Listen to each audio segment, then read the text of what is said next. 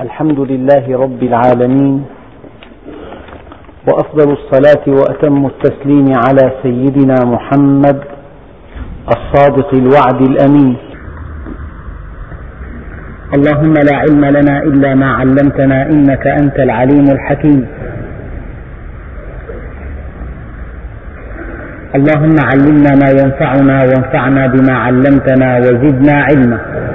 وأرنا الحق حقا وارزقنا اتباعه وأرنا الباطل باطلا وارزقنا اجتنابه واجعلنا ممن يستمعون القول فيتبعون أحسنه وأدخلنا برحمتك في عبادك الصالحين.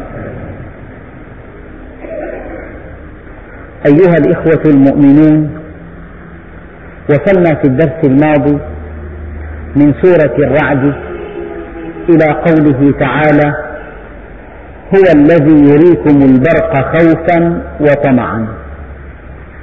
أما كلمة هو فكمثيلاتها. ألف لام ميم راء.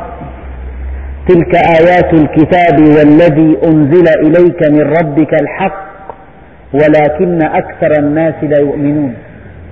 هذا الذي أنزل إليك من ربك أي هذا القرآن من عند ربك.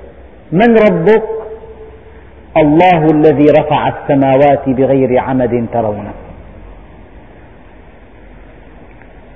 وهو الذي مد الأرض وجعل فيها رواسي.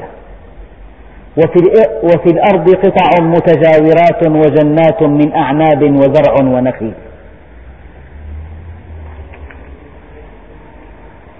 الله يعلم ما تحمل كل أنثى. عالم الغيب والشهادة. له معقبات من بين يديه. هو الذي يريكم البرق خوفا وطمعا.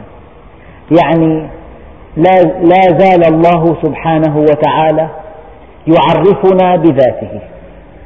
يعني هذا الكتاب الذي بين أيدينا.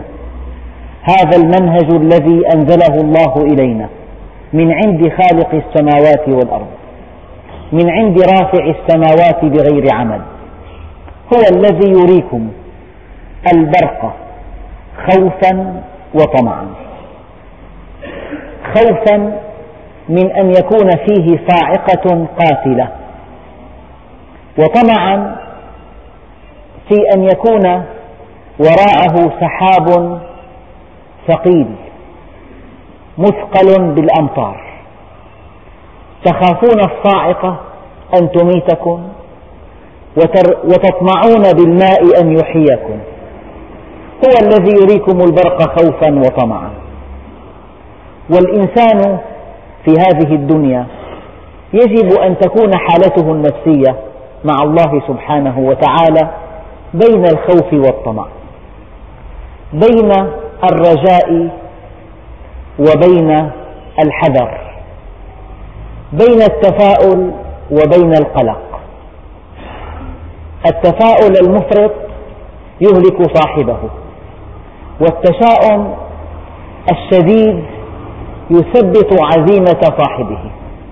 لا بد من تفاؤل وتشاؤم من رجاء وخوف من قلق وطمأنينة. فالله سبحانه وتعالى جعل البرق فيه صاعقة قاتلة. وفيه سحاب ثقال مثقلة بمياه الأمطار. يريكم البرق خوفا وطمعا.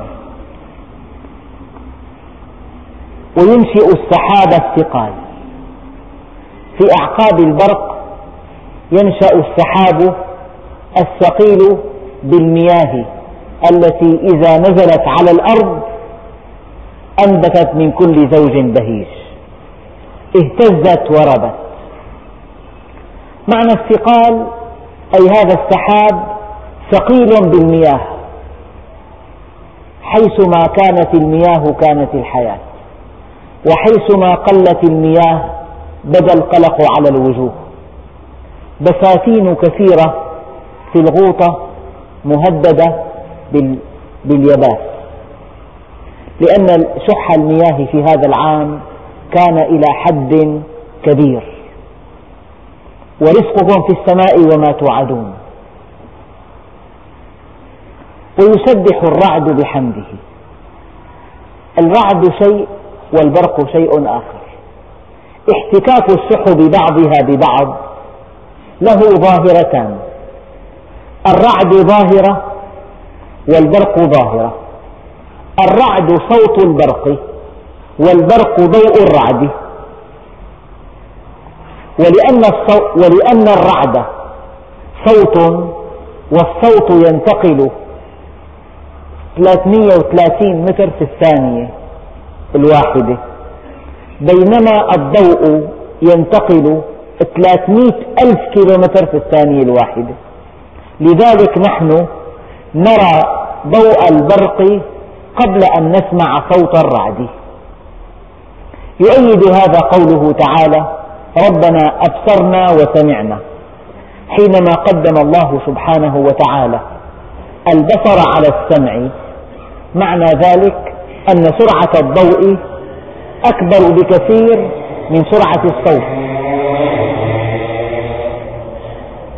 هو الذي يريكم البرق خوفا وطمعا وينشئ السحاب الثقال. هو الله رب العالمين. هذا السحاب من صنعه. وهذا البرق من صنعه وهذا الرعد من صنعه. والله سبحانه وتعالى يتجلى باسم القوي فيكون الرعد. كأن آلاف القنابل تتفجر في جو السماء. قد يظن الإنسان أن قصفا شديدا حل بالمدينة حينما يستمع إلى صوت الرعد. وأما البرق فمن شدة اللمعان يخطف الأبصار. البرق ضوء الرعد والرعد صوت البرق. والصوت والضوء متباينان في السرعة. أما قوله تعالى ويسبح الرعد بحمده. يسبح الرعد بحمده. بعض العلماء قالوا يسبح سامع الرعد بحمده. سامع صوت الرعد. وبعضهم قالوا الرعد نفسه نفس يسبح في آلاء الله. وبعضهم قالوا إن صوت الرعد دليل كمال الخلق. فكمال الخلق تسبيح بعظمة الصانع. لو أنك رأيت فاكهة نضرة كبيرة الحجم زاهية الألوان طيبة الرائحة عذبة المذاق. يقول عامة الناس تسبح الذي خلقها. كيف تسبح؟ يعني كمال صنعتها كأنه ينطق لك ويقول سبحان الذي خلقني. فالتسبيح حمله العلماء على معان ثلاث. المعنى الأول أن سامع هذا الصوت يسبح بحمد الله. إذا أقبلت السحب من الغرب وكانت سوداء دكناء وكنا على جفاف شديد وعلى انتظار مديد للأمطار فلمع البرق وقصف الرعد معظم الناس يسبحون بحمد الله. يا رب لك الحمد. الذي أغثنا. فتسبيح الناس بالرعد تسبيح الرعد أي تسبيح سامع الرعد. سامع هذا الصوت. هذا المعنى الأول. والمعنى الثاني أن كل شيء خلقه الله سبحانه وتعالى نفس. لقوله تعالى وإن من شيء إلا يسبح بحمده. إنا عرضنا الأمانة على السماوات والأرض والجبال فأبين أن يحملنها. معنى ذلك أن الجبل نفس والأرض نفس والشمس نفس والبحار نفس والهواء نفس. نفوس بثها الله سبحانه وتعالى لكن أكرمها عليه هو الإنسان. ولقد كرمنا بني آدم وحملناهم في البر والبحر ورزقناهم من الطيبات وفضلناهم على كثير ممن خلقنا تفضيلا. فالمعنى الثاني أن الرعد نفسه نفس تسبح بحمد ربها. فإذا كان الطير يسبح الله والنمل تحت الأرض يسبح بحمد الله والحوت في البحر يسبح بحمد الله. وكل شيء ينطق بالحمد ويلهج بالتسبيح. فما بال هذا الإنسان الغافل الذي خلقت له كل هذه المخلوقات من أجله؟ وسخرها الله له. ما بالها تسبح وهو يجحد. ما بالها تسبح وهو يكفر. ما بالها تسبح وهو يعرض. ويسبح الرعد بحمده. المعنى الثالث أن كمال الخلق في حد ذاته تسبيح. لو وقفت أمام قطعة أثاث متقنة إلى إلى حد الخيال تتأملها تتأملها تحس أنها تنطق تنطق بدقة صنعة صانعها. فكمال الخلق تسبيح كمال الخلق تسبيح.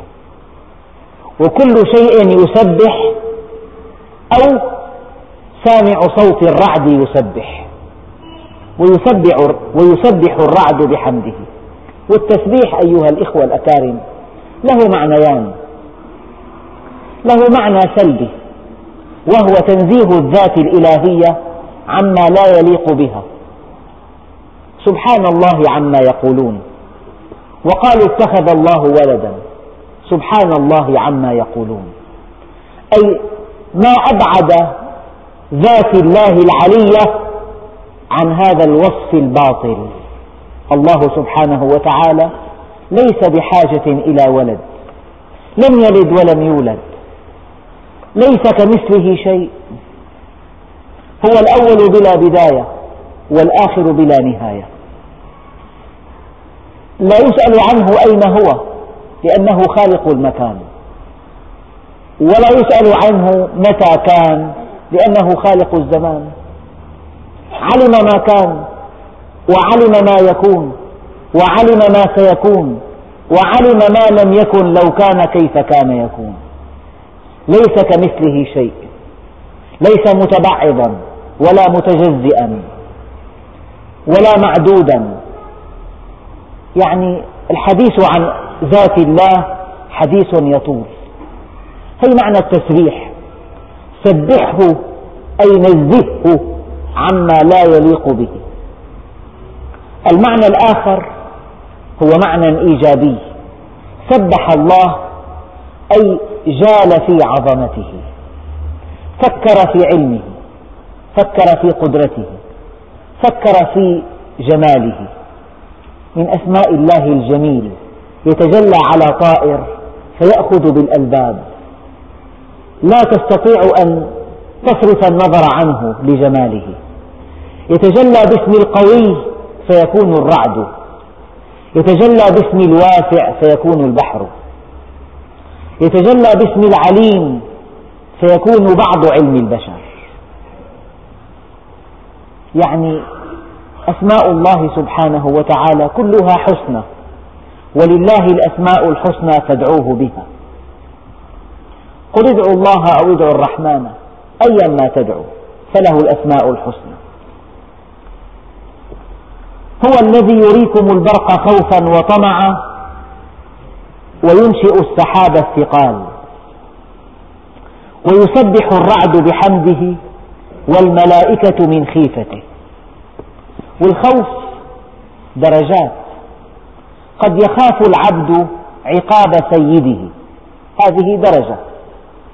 وقد يخاف العاشق أن تنقطع الصلة بمعشوقه. وهذا خوف من مستوى أرقى. وقد يخاف المؤمن أن تنقطع صلته بالله عز وجل. رأس الحكمة مخافة الله. الحكمة كأنها جسد. أنبل ما فيها رأسها. رأس الحكمة مخافة الله. لذلك الذي يخاف الله هو العاقل. والذي لا يخافه هو الأحمق. وهو الغبي. وهل يعقل أن ترى إنسانا حصل أعلى الشهادات وهو يعصي الله؟ نعم. نقول هذا الإنسان حصل شهادات عليا ابتغاء الدنيا ولكن لأنه لم يستقم على أمر الله فإنه موسوم بالغباء أو بنوع من أنواع الغباء لقوله عليه الصلاة والسلام كفى بالمرء علما أن يخشى الله وكفى به جهلا أن يعجب بنفسه والملائكة من خيفته ويرسل الصواعق فيصيب بها من يشاء هذه الصاعقة أحيانا يعني سمعت أنها تبلغ عشرات ألوف الفولتات. نحن 220 فولت خطر. 110 أسلم. لكن في 6000 فولت. في 10000 فولت. فالصاعقة تكفي أن تجعل الإنسان قطعة من الفحم في ثانية واحدة. قطعة من الفحم. أحيانا تصيب الصاعقة منزلا فتحرقه. لذلك يضعون في أسقف المنازل يعني عمودا حديديا ليأخذ الصاعقة وينقلها إلى باطن الأرض. يضعون في أسفل بعض الشاحنات قطعة من حديد كي تنقل الصاعقة إلى الأرض. هذه الصاعقة يعني تيار عال جدا. إذا أصاب شيئا أحرقه عن آخره. ويرسل الصواعق فيصيب بها من يشاء. وهم يجادلون في الله. وهو شديد المحال. معنى المحال أي المكر. ومكر الله سبحانه وتعالى غير مكر الإنسان.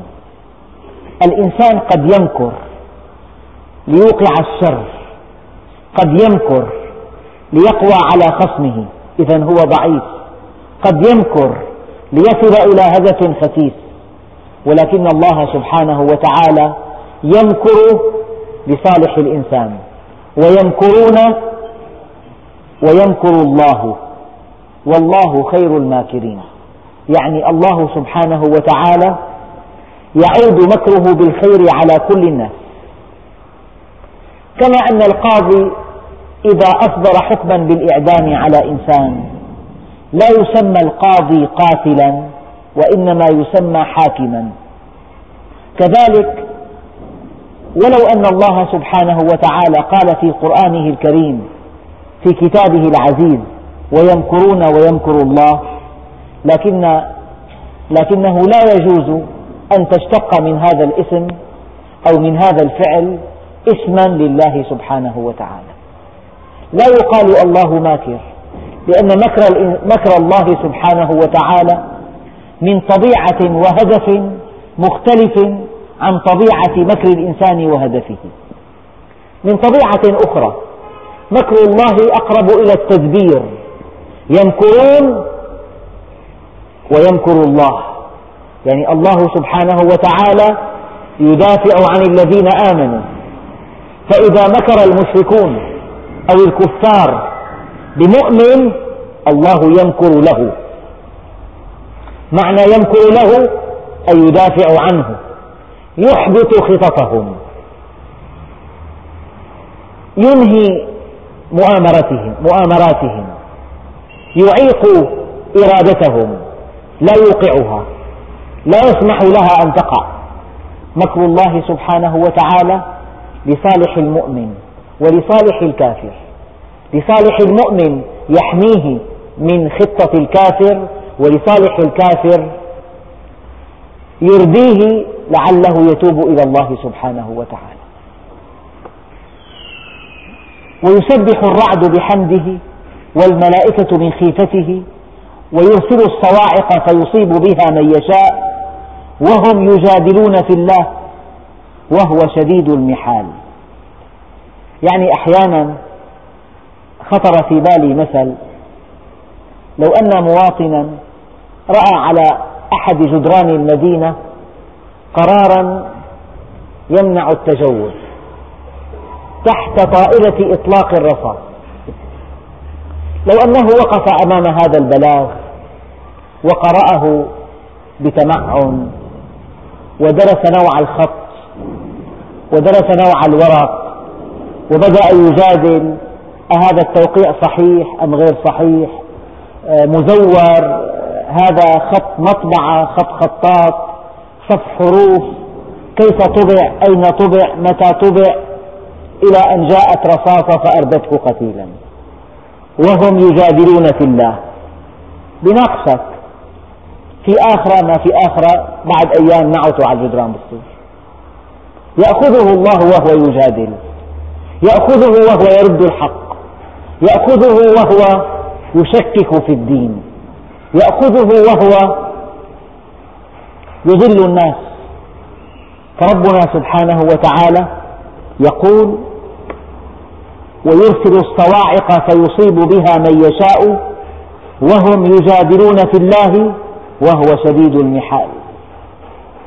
لذلك الإنسان له حدود ومن تجاوز حدوده وقع في شر أعماله. رحم الله عبدا عرف حده فوقف عنده ولم يتعد طوره حدود الإنسان تتضح في آيتين. الأولى قوله تعالى بل الله فاعبد وكن من الشاكرين. يعني تنحصر مهمة الإنسان في طاعة الله سبحانه وتعالى. فإذا أطاع الله سبحانه وتعالى جاءته الخيرات من كل جانب. إذا عليه أن يشكر المولى على كل ما أولى. مهمتك أن تعرفه فتعبده فتشكره. لا تحشر أنفك في شؤونه. فلان كافر أم مؤمن؟ هذا من شأن الله سبحانه وتعالى. هذا من شأن الله. لا تزكوا أنفسكم ولا تزكوا على الله أحدا. بل الله فاعبد وكن من الشاكرين. آية ثانية في المعنى نفسه يا موسى إني اصطفيتك على الناس برسالاتي وبكلامي. فخذ ما آتيتك وكن من الشاكرين. تلك أمة لها ما خلت لا خلت لها ما كسبت ولكم ما كسبتم. أعمالها لها وأعمالكم لكم. لن ينفعكم عملها ولن يضركم عملها.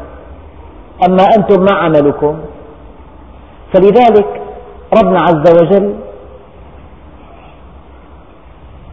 يقول وهو شديد المحال. يعني اعبده اعبده واشكر نعمه. هاتان المهمتان التي أمرك الله بهما. له دعوة الحق. الحق واحد لا يتعدد. والحق من الحق سبحانه وتعالى ولا حق من سوى الحق. الحق من الحق الحق ما جاء به ربنا سبحانه وتعالى ما جاء به كتابه وماذا بعد الحق إلا الضلال بين نقطتين لا يمر إلا مستقيم واحد. المستقيم الثاني يجب أن ينطبق على الأول. المستقيم الثالث يجب أن ينطبق على الأول والثاني. إذا كان الخط مستقيما. ولكن بين هاتين النقطتين تمر آلاف الخطوط المنحرفة والمنحنية والمنكسرة. لذلك وأن هذا صراطي مستقيما فاتبعوه ولا تتبعوا السبل تتفرق بكم عن سبيله. ولا تتبعوا السبل معنى ذلك الباطل متعدد الباطل متنوع الباطل نسبي. الانحراف نسبي أما الحق واحد. الحق قطعي. الحق له حد لا يزيد ولا ينقص. له دعوة الحق. الحق من عنده وليس من غيره. يعني أي مذهب في الأرض لا يعتمد منهج الله منطلقا فهو باطل. ومن لم يحكم بما أنزل الله فأولئك هم الفاسقون. وفي آية الظالمون وفي آية الكافرون. لأن الحق هو الحق. لا يتبدل ولا يتغير ولا يتعدد. له دعوة الحق. هذا المعنى الأول. المعنى الثاني أنك لن تدعو أحدا في الكون ويستجيب لك إلا الله. الدعوة له. الدعاء له وحده. فإذا دعوت غيره أصابك الإحباط. إذا دعوت غيره لن تستفيد شيئا. له دعوة الحق والذين يدعون من دونه. ما من مخلوق يعتصم بمخلوق دوني أعرف ذلك من نيته. فتكيده أهل السماوات والأرض. ما من مخلوق يعتصم بمخلوق دوني. أعرف ذلك من نيته. إلا جعلت الأرض هويا تحت قدميه وقطعت أسباب السماء بين يديه. ما من مخلوق يعتصم بي من دون خلقي. أعرف ذلك من نيته. فتكيده أهل السماوات والأرض. إلا جعلت له من بين ذلك مخرجا. له دعوة الحق. يعني الحق من عنده وحده. والدعاء إليه وحده. والرغبة إليه. والخوف منه. والرجاء له. والمحبة له. والإقبال عليه. والسعي له. لذلك قال عليه الصلاة والسلام في دعاء بالغ الإيجاز اللهم أنا بك وإليك. أنا قائم بك. وقصدي إليك. أنا بك وإليك. أما الذين يدعون من دونه لا يستجيبون لهم بشيء. يعني أحيانا هذا الذي تدعوه من دون الله لا يسمعك. وإذا سمعك لا يستجيب لك. وإذا أراد أن يستجيب لك لا يستطيع. على ثلاث مراحل. قبل كل شيء لا يسمعك. فإذا سمعك جدلا لا يستجيب لك. فإذا أراد أن يستجيب لك لن يستطيع أن يستجيب لك لأن الله يحول بينه وبين ذلك.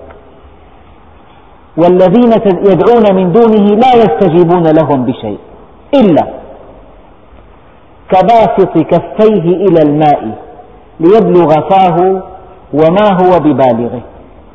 لو أنني بسطت يدي إلى هذا الكأس من الماء وطلبت منه أن يأتي إلى فمي ماذا يحدث؟ الماء لا يتحرك لا يستجيب. لكن الله سبحانه وتعالى بهذا المثل البليغ أعطى الماء صفتين. الصفة الأولى أنه لا يسمع ولا يعقل ولا يفهم والصفة الثانية أنه لو سمع وعقل وفهم لا يستطيع أن يأتي إلى عندي من تلقاء ذاته. فهذا الذي تدعوه من دون الله أصم عن أصم لا يسمع دعاءك. أبكم لا يجيبك. كفيح لا يستجيب لك. والذين يدعون من دونه لا يستجيبون لهم بشيء إلا كباسط كفيه إلى الماء ليبلغ فاه وما هو ببالغه. هذه الباء زائدة زيادة نحوية. أما في البلاغة تفيد التأكيد يعني وما هو بالغه أو وما هو بالغه. فإذا قلنا وما هو ببالغه فزيادة هذه الباء لتأكيد عدم نسبة هذا المبتدأ إلى ذلك الخبر. وما دعاء الكافرين إلا في ضلال.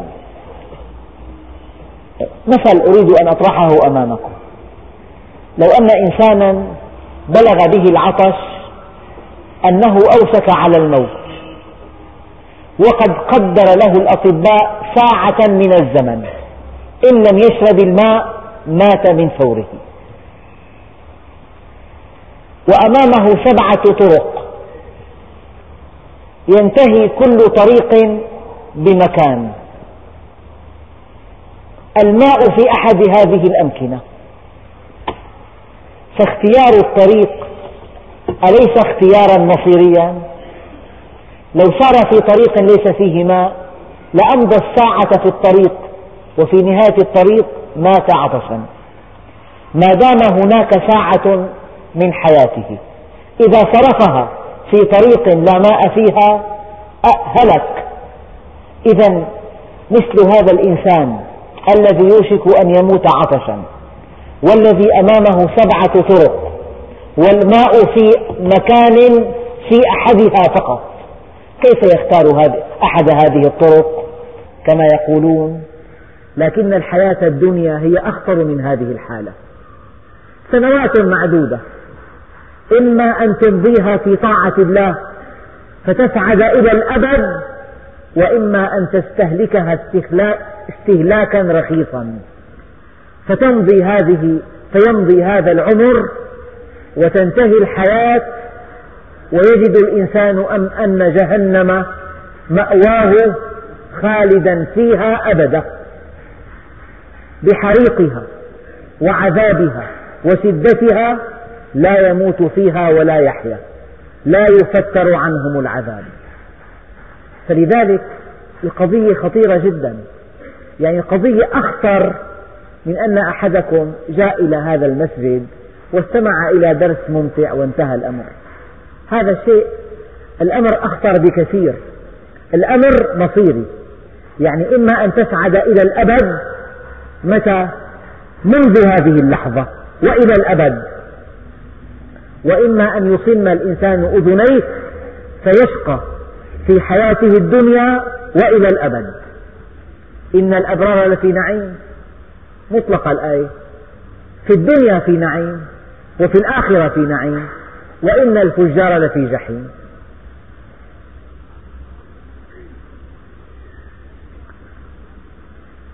ولله يسجد من في السماوات والأرض طوعا وكرها وظلالهم بالغدو والآصال.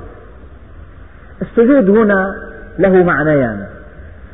كل مخلوق يسجد لله عز وجل. معنى يسجد أنه محتاج لفضل الله محتاج لإمداد الله. فالنبات يسجد لله بمعنى أنك لو قطعت عنه الماء يبس. والحيوان يسجد لله بمعنى لو أن الله سبحانه وتعالى قطع عنه الإمداد يموت. والجبل يسجد لله سبحانه وتعالى بمعنى أن الله لو لم يشأ لذراته أن تكون جبلا لما كانت جبلا فهو قائم بالله. فلو أن الله سبحانه وتعالى قطع عنه إمداده ما بقي الجبل جبلا ولا الحديد حديدا ولا الخشب خشبا ولا الماء ماء. إذا الله سبحانه وتعالى يسجد له كل شيء سجود الافتقار سجود الحاجة. فالكافر بهذا المعنى يسجد. لو أنه ضاق نفسه لصاح مذعورا لو أنه منع عن الطعام والشراب لأكل القمامة. لو أنه منع عن الماء لشرب بوله هذا ما يحدث. فالإنسان مفتقر. الإنسان وجود الله موجود والإنسان موجود. كيف يشترك الإنسان في الوجود مع الله سبحانه وتعالى؟ فرق كبير كبير. وجود الله ذاتي لكن وجود الإنسان فيه افتقار إلى الله سبحانه وتعالى. ما شاء الله كان وما لم يشأ لم يكن. فنحن مفتقرون. قل هو الله أحد الله الصمد. معنى الصمد أنه ذاتي الوجود ليس وجوده مفتقرا إلى غيره. إذا ولله يسجد من في السماوات والأرض؟ هذا سجود الحاجة سجود الافتقار لكن المؤمن يسجد لله طوعا. هذا سجود العبادة. يعني إذا وقفت في الصلاة وقرأت الفاتحة وسورة وركعت وبعدها سجدت فهذا سجود العبادة. هذا السجود الطوعي ولكن حاجتك إلى الماء وإلى الهواء وإلى الطعام. هذا سجود الإكراه. كل مخلوق يسجد لله سبحانه وتعالى. مكرها. لكن الإنسان المؤمن يسجد له طوعا. هذا المعنى الأول. المعنى الآخر قالوا سجود المنافق كرها. والمؤمن يسجد طوعا. وقال بعضهم سجود الكافر كرها. والمؤمن طوعا. على كل السجود بمعناه الواسع الافتقار إلى الله سبحانه وتعالى. إما أن تعرف أنك فقير فتعلن عن فقرك لله عز وجل وهذا سجود العبادة. وإما أن تجهل هذا الفقر فحينما تحس به وأنت في الشدة فهذا سجود الإكراه. وهناك علماء, علماء قالوا إن الكافر إذا ألمت به الشدة دعوا الله مخلصين. إذا كان في طائرة وقال ربان الطائرة إننا في خطر ضعوا أحزمة الأمان. ترى الوجوه قد اصفرت. والألسن قد لهجت في الدعاء وقد يكون الداعي ملحدا وقد يكون الذي يرجو ربه كافرا. يقول يا رب حتى إذا أدرك الخطر قال يا رب. هو في الأرض لا يعرف الله سبحانه وتعالى. فإذا ركب البحر أو ركب متن الجو أحس بالخطر. هذا المعنى الرابع. سجود الكافر عند الضرورة سجود إكراه ولكن المؤمن يعرف الله في الرخاء قبل أن يعرفه في الشدة. من عرف الله في الرخاء عرفه في الشدة. وظلالهم بالغدو والآصال. يعني تسجد أنت وظلك والظل يسجد معك. يعني حتى الظل شيء وهمي الظل ليس شيئا. لكن حجب الضوء يعد ظلا. حتى الظل يسجد معك. بالغدو والآصال يعني صباحا ومساء كناية عن الديمومة والأبدية. قل من رب السماوات والأرض؟ قل الله. قل أفاتخذتم من دونه أولياء؟ لا يملكون لأنفسهم نفعا ولا ضرا. قل هل يستوي الأعمى والبصير؟ أم هل تستوي الظلمات والنور؟ أم جعلوا لله شركاء خلقوا كخلقه؟ فتشابه الخلق عليهم قل الله خالق كل شيء وهو الواحد القهار.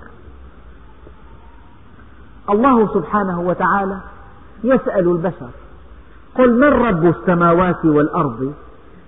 بعضهم قال قل الله أي أن الله سبحانه وتعالى أمر نبيه عليه الصلاة والسلام أن يجيب هذه الإجابة. يعني هذا السؤال هذا جوابه. وبعضهم قال إن هذه الآية تعني أن النبي عليه الصلاة والسلام حينما توجه بالسؤال لكفار قريش من رب السماوات والأرض؟ قالوا الله. كيف تقولون الله وتتخذون من دونه أولياء؟ هذا هو التناقض. يعني أبشع صفة في العقل البشري هو التناقض. كيف تقول أنا مسلم وتعصي الله؟ كيف تقول هناك آخرة ولا تعمل لها؟ كيف تقول هناك موت ولا تخاف الموت ولا تستعد له؟ يعني هذه المسافة الكبيرة بين ما تقول وبين ما تفعل بين ما تعتقد وبينما تسلك هذه مسافة تجعل من الإنسان إنسانا متناقضا. والتناقض صفة يعني ليست مقبولة في الإنسان. الانسجام بين المعتقد والسلوك بين المنطلق والهدف بين القيم وبين المطالب انسجام واجب. فلذلك قل من رب السماوات والأرض؟ يعني معنى الرب الممد. من يمد السماء؟ بهذه الكواكب. من أعطى الشمس هذه القدرة؟ لا زالت متقدة منذ خمسة آلاف مليون سنة على تقدير بعض العلماء. ويتوقع العلماء أنه لخمسة آلاف مليون سنة قادمة تبقى متألقة. من أمدها؟ بهذه الحرارة؟ من أمد الكواكب السيارة بهذه القدرة على الحركة؟ من خلق الهواء؟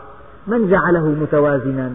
من أمدنا بهذه الحيوانات؟ نأكل منها نستخدم جلودها أوبارها أصوافها ألبانها أعشاءها لحمها.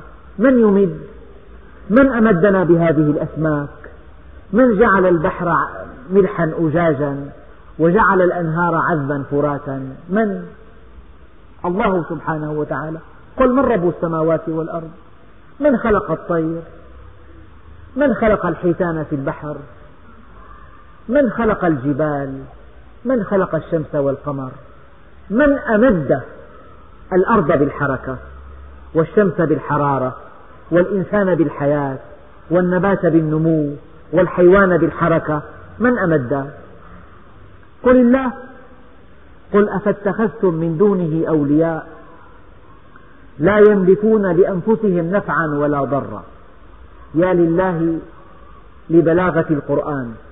لم يقل الله عز وجل لا يملكون لكم نفعا ولا ضرا. لا يملكون لأنفسهم. إن كانوا لا يملكون لأنفسهم نفعا ولا ضرا. فمن باب أولى أنهم لا يملكون لكم نفعا ولا ضرا. هذا الذي تعبده من دون الله. لا يملك أن يعيش ساعة. لو توقفت إحدى كليتيه لصار في حالة يرثى لها. لو تجمدت نقطة دم في شرايين مخه لأصيب بالشلل أو العمى أو الصمم أو اختل عقله أو ضعفت ذاكرته. يعني صديق توفي رحمه الله. له معمل. خرج من معمله بسيارته متوجها إلى بيته. ضاع عن بيته. بقي ساعتين يبحث عن بيته. هذا أدق مرض في الذاكرة. خلل أصاب جزءا من الذاكرة. يعرف بيت ابنه زار ابنه. أما بيته ما عرفه. ذهب إلى ابنه وقال له يا بني أين بيتي؟ أين بيتي؟ بعد أشهر توفي. فلا يملكون لأنفسهم نفعا ولا, ولا ضرا. لا تزال أمراض مستعصية على معرفة السبب. الكليتان تتوقفان فجأة عن العمل تحت اسم هبوط مفاجئ في وظائف الكليتين. لماذا؟ لا نعرف. نقل عظام يتوقف فجأة عن صنع كريات الدم الحمراء. ينتهي الإنسان. لماذا؟ لا نعرف. الخلايا تنمو نموا عشوائيا في أي مكان في الجسم. في الدم في العظام في الأحشاء في اللسان في الحنجرة في أي مكان. لما لا نعرف؟ متى لا نعرف؟ ما السبب؟ لا نعرف. فهؤلاء الذين لا يملكون لأنفسهم نفعا ولا ضرا كيف نعبدهم من دون الله؟ أحد الأمراء قيل أنه أراد أن يوقع ببعض النجارين. فأمره أن يأتي بخمسين كيس من النشارة خلال يوم واحد وهذا شيء مستحيل. فإن لم يأتي سيقتله. عرف أنه ميت لا محالة فتوجه إلى البيت وأوصى وودع أولاده وهو ينتظر أن يأتوا به ليقتلوه لاستحالة أن يأتي بهذا العدد الكبير. في الصباح الباكر طرقوا بابه قيل له تعالى مستعد. لكنهم قالوا له تعال اصنع تابوتا لهذا الأمير لقد مات. هذا الذي تخافه أو هذا الذي ترجوه أو هذا الذي تعمل له أو هذا الذي ترضيه أو هذا الذي تسعى إليه أو هذا الذي تعلق كل الآمال عليه. هذا إنسان لا يملك لك نفعا ولا ضرا ولا حياة ولا نشورا. ولا رزقا ولا أي شيء. قل أفاتخذتم من دونه أولياء؟ أيام الإنسان يتكئ على والده. يكون والده يعني ميسور الحال وله مكانة اجتماعية كبيرة بيتكي على والده. بين لمحة عين في لمح البصر يصبح أبوه في عداد الموتى. أحيانا يتكئ على قريب له. في مركز مهم. يموت هذا القريب. يعني أي إنسان تتخذه من دون الله؟ أيام الإنسان يعتمد على زوجته اعتماد كبير. يصيبها مرض عضال ممكن. قد يعتمد على ابنه. فيسافر ولا يعود. إلى أن صار في هذه السن بذل الغالي والرخيص. فإذا صار في بلد أجنبي تجنس بجنسية أجنبية وتزوج هناك ولم يعود. خيب ظن أبيه. فلذلك قل أفاتخذتم من دونه أولياء لا يملكون لأنفسهم نفعا ولا ضرا؟ قل هل يستوي الأعمى والبصير؟ يعني واحد عليه زكاة ماله زوجته منعته. حملته على أن لا يدفع زكاة ماله. أقنعته. أولاده صغار أولاده بحاجة ماسة معه نصابه. ما الذي حدث؟ وهو يقود سيارته. يعني ارتكب حادثا دفع لإصلاح السيارة المبلغ الذي كان سيدفعه زكاة ماله بالضبط بالتمام والكمال. هل ملكت زوجته أن تمنعه من هذا الحادث؟ لا لذلك حينما طلبت زوجة أحد أصحاب رسول الله شيئا لا يرضي الله قال اعلمي يا فلانة أن في الجنة من الحور العين ما لو أطلت إحداهن على الأرض لغلب نور وجهها ضوء الشمس والقمر فلأن أضحي بك من أجلهن أهون من أن أضحي بهن من أجلك. سيدنا سعد قالت له أمه لا آكل الطعام حتى تكفر بمحمد.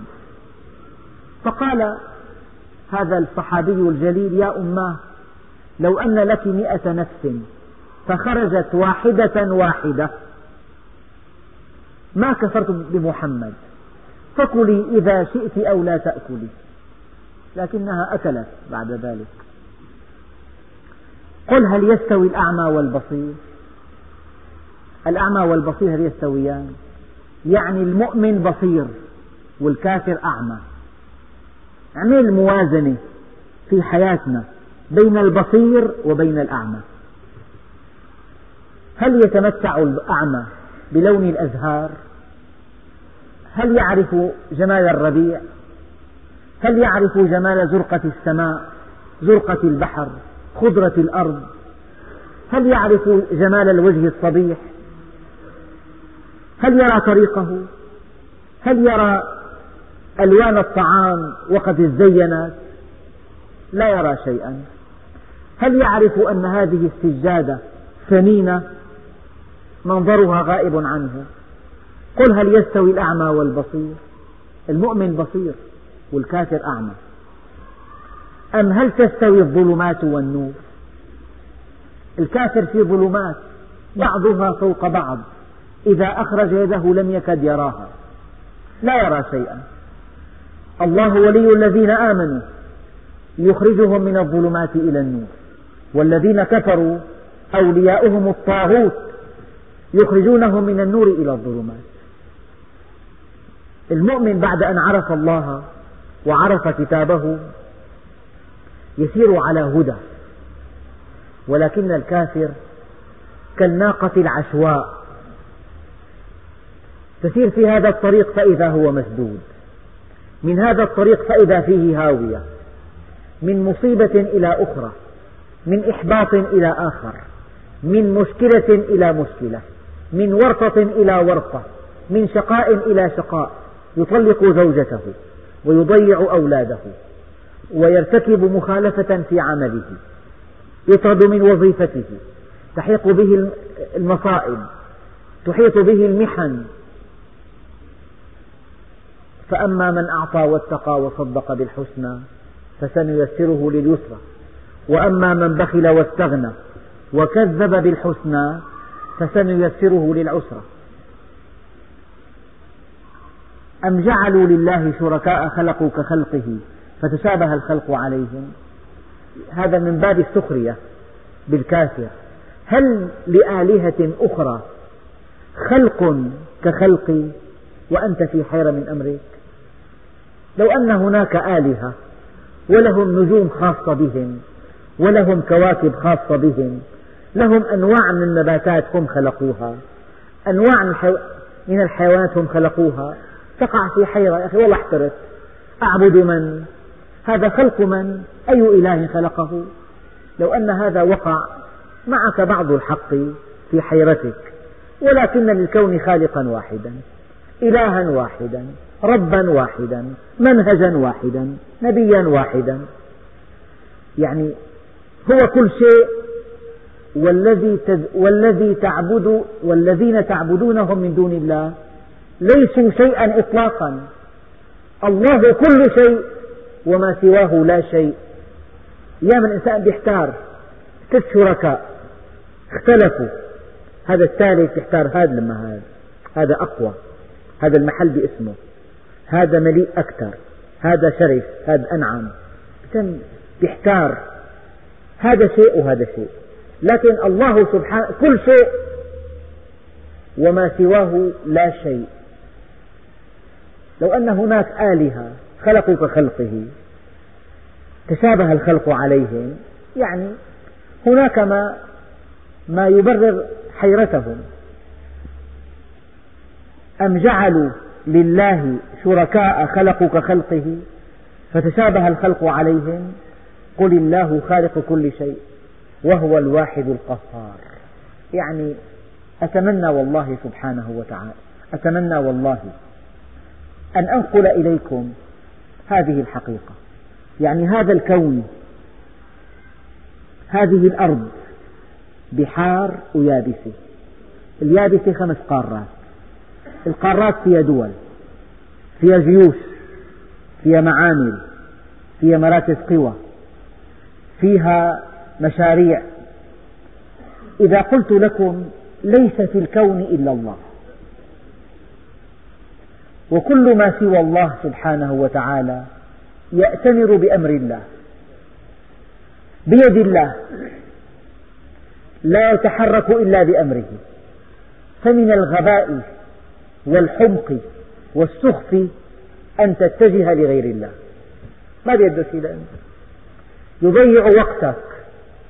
ويتلف عمرك الثمين وفي النهاية تأتي يوم القيامة صفر اليدين. ليس إلا الله. إن عرفته عرفت كل شيء. وإن فاتك فاتك كل شيء. أي شيء يدنيك من الله فهو حق وأي شيء يبعدك عنه فهو باطل. والحمد لله. بقي آية واحدة.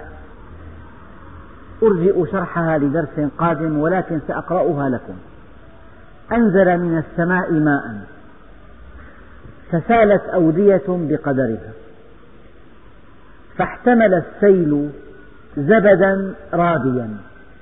يعني على هذا السيل زبد يطفو ويعلو وينمو ويكبر حتى أنك تراه شيئا كبيرا وقد لا ترى الماء. فاحتمل السيل زبدا رابيا مثل آخر. ومما يوقدون عليه في النار ابتغاء حلية أو متاع يعني الذهب والفضة والحديد. يؤخذ فلزات يدخل توضع هذه الفلزات في, في أفران عالية الحرارة. تصهر يعلو سائل الحديد أو الذهب أو الفضة. يعلو هذه الشوائب وما أكثرها. تعلو. تطغى. تكبر. تنمو حتى تحجب الناظر عن الحديد أو الذهب أو الفضة. قال فأما الزبد فيذهب جفاء. في السيل الزبد يذهب جفاء. وأما الماء يمكث في الأرض فينبت الزرع. وهذا المعدن الثمين الذهب يصب في قوالب أو في سبائك وأما هذا هذه الشوائب تلقى في قارعة الطريق لا يلتفت إليها.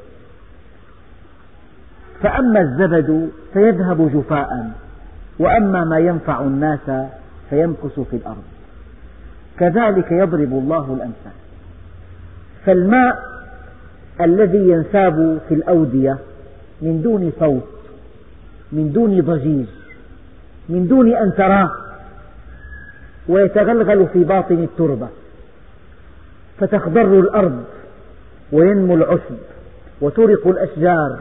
وتنعقد الثمار. وأما هذا الزبد القش الذي على السيل يلقى لا يلتفت إليه. وكذلك سريكة الذهب توضع في الصدور توضع في الأماكن الحساسة توضع في الخزائن. وأما شوائب هذا المعدن والأخلاط والتراب وما خالطه هذا يلقى في الأرض. فماذا قصد ربنا سبحانه وتعالى بالماء؟ وماذا قصد بالذهب والفضة والحديد؟ وماذا قصد بهذا الزبد؟ إن كان على الماء أو على المعادن الثمينة. الله عز وجل لم يبين ما الذي يعنيه بالماء والمعادن الثمينة ولا الذي يعنيه بالزبد. لكن شيء ثمين نفيس ينفع الأرض الإنسان يبقى في الأرض يمكث إلى أمد طويل وشيء آخر يعلو ويعظم وينمو ويطغى ولكنه لا قيمة له لا شأن له لا يلتفت إليه لا أحد يعبأ به يلقى في مكان مهمل. لا أحد يأخذه.